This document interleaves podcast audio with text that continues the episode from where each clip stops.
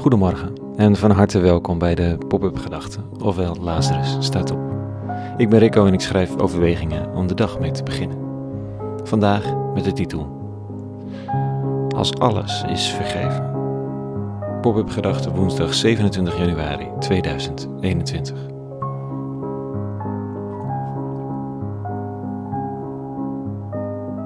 Reljongeren op Urk zamelen geld in voor Teststraat, kopt een nieuwsbericht. Ja, moppert er direct heen, dat had beter niet gehoeven, hè? Eerst alles kort en klein slaan en dan de held uithangen met je euro's.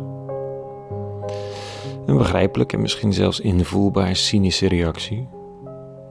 Maar zoals eerder beweerd, geloof in de christelijke traditie zou niet tegenover ongeloof in bepaalde dogma's moeten staan. Geloof betekent ten diepste niet een bepaalde hoeveelheid overtuigingen voor waar aannemen. Geloof zou ten diepste de tegenhanger van cynisme moeten zijn. Geloof, hoop, liefde, die drie. En die drie klinken misschien wat zouteloos, maar dat is het niet.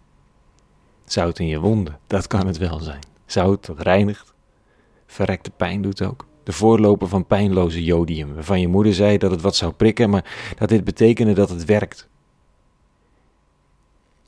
Dat weten we dus niet meer hè, met die nieuwe pijnloze wondontsmetters. Je weet niet of het werkt, want het verkoopt beter als het geen pijn doet.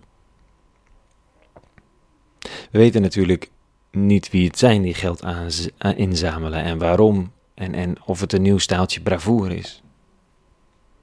Maar het is misschien ook niet belangrijk.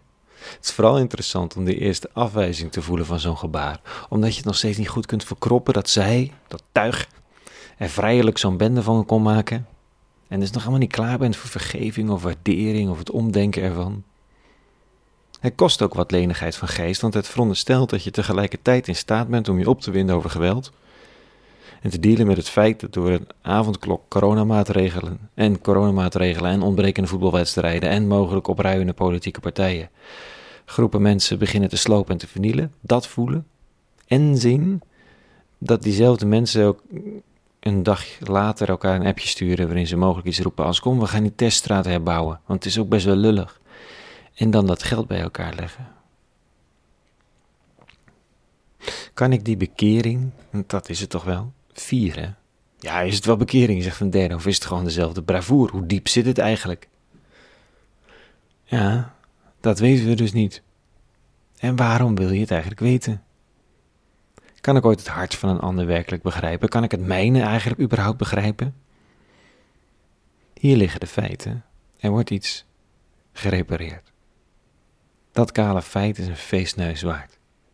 Paulus doet er niet zo moeilijk over. Hij voorziet in zijn tijd al een periode waarin offers en priesters en een gang naar de tempel met een schaapje, kudde of een hoeveelheid graan om een zondeoffer te brengen en daadwerkelijk te laten zien hoe het je spijt met een akkoord van de priester dat het allemaal niet meer nodig is, omdat alles vergeven is. Hij schrijft vanmorgen dit, Paulus aan de Hebreeën. Dit is het verbond dat ik na die tijd met het volk van Israël zal sluiten, spreekt de Heer. In hun hart zal ik mijn wetten leggen, in hun verstand zal ik ze neerschrijven. En even verder staat er, hij citeert dit, van de profeet Jeremia. Aan hun zonde en hun wetteloosheid zal ik niet meer denken. Waar dat alles vergeven is, zegt Paulus, daar is geen offer voor de zonde meer nodig. Goed, een paar gasten waren het kwijt. Op de nacht van de vernielde teststraat.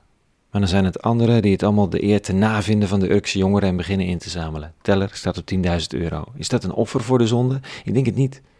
Het is iets anders. Het laat zien dat er geen offer voor de zonde meer nodig is, want men weet het wel. Er moet recht gedaan worden. Die gasten die dit op een geweten hebben, moeten voor de rechter, zegt de initiatiefnemer.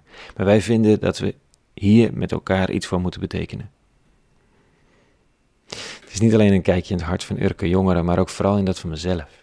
Kan ik zo'n doneeractie volop vieren? Of wil ik eerst de priester zijn, die, of zelf zien, die, een priester zien die, die spijt en zondeoffers en gewetenswroeging accordeert? Mag het zondeoffer eraf? En zie ik hoe diep bij zoveel in harten en verstand wetten gegrift staan. En dank ik de eeuwige voor dat wat ik daarin zie gebeuren. Tot zover de pop-up gedachten van vanochtend. Een hele goede woensdag gewenst en vrede. En alle goeds.